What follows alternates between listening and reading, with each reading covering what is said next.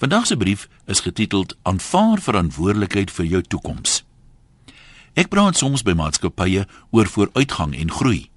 Die eerste stelling wat ek maak skok altyd eers die mense erg. En dan bly ek so oomblik stil om juis daai skok kans te gee om in te sink en deur te dring. Maar dis die waarheid. Ek het dit ook al by van ons groot banke gesê vir mense wat gestaak het.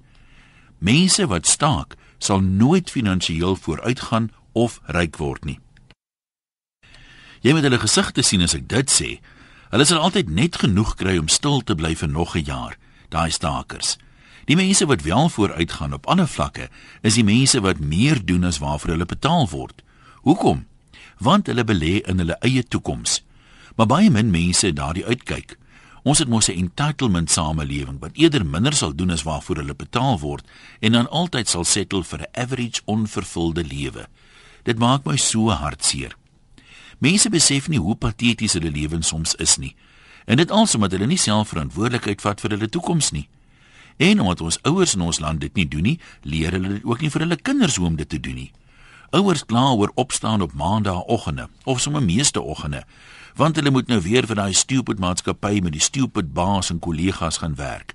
En wat doen ons kinders? Hulle kla as ons vra, maak jou kamer skoon en doen jou huiswerk. Wanneer mense besef my toekoms is my verantwoordelikheid, verander hulle harte.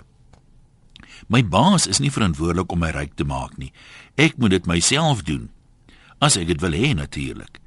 Ek leer my kids dat kla 'n sonde is, want dit is. En die enigste antwoord wat hulle mag gee wanneer hulle opdrag kry, is dis reg so mamma of daddy of juffrou. Ek doen dit graag. Nie net hulle woorde nie, maar hulle attitude moet ook reg wees. En dis 'n hartsaak.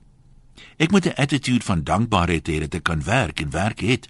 En as ek dit als nie self kan doen en 'n voorbeeld kan wees nie, kan jy vergeet om dit vir jou kinders te leer. Ek het in November saam met 'n skoolgroep gekamp en het vir die kinders gesê dat hulle skoolwerk hulle eie verantwoordelikheid is, nie hulle ouers of onniese nie.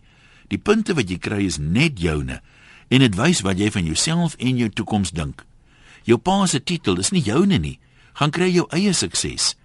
Die kids het so baie vrae gehad en so lank geluister dat die 3 ure waarvoor ek geboek was in 7 ure se praatjie verander het.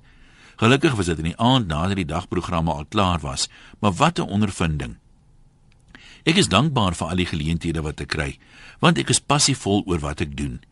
Die beste raad wat ek ooit gekry het, is maak nie saak waar jy jou nou bevind nie. Hou op verskoning soek en aanvaar self verantwoordelikheid vir jou toekoms.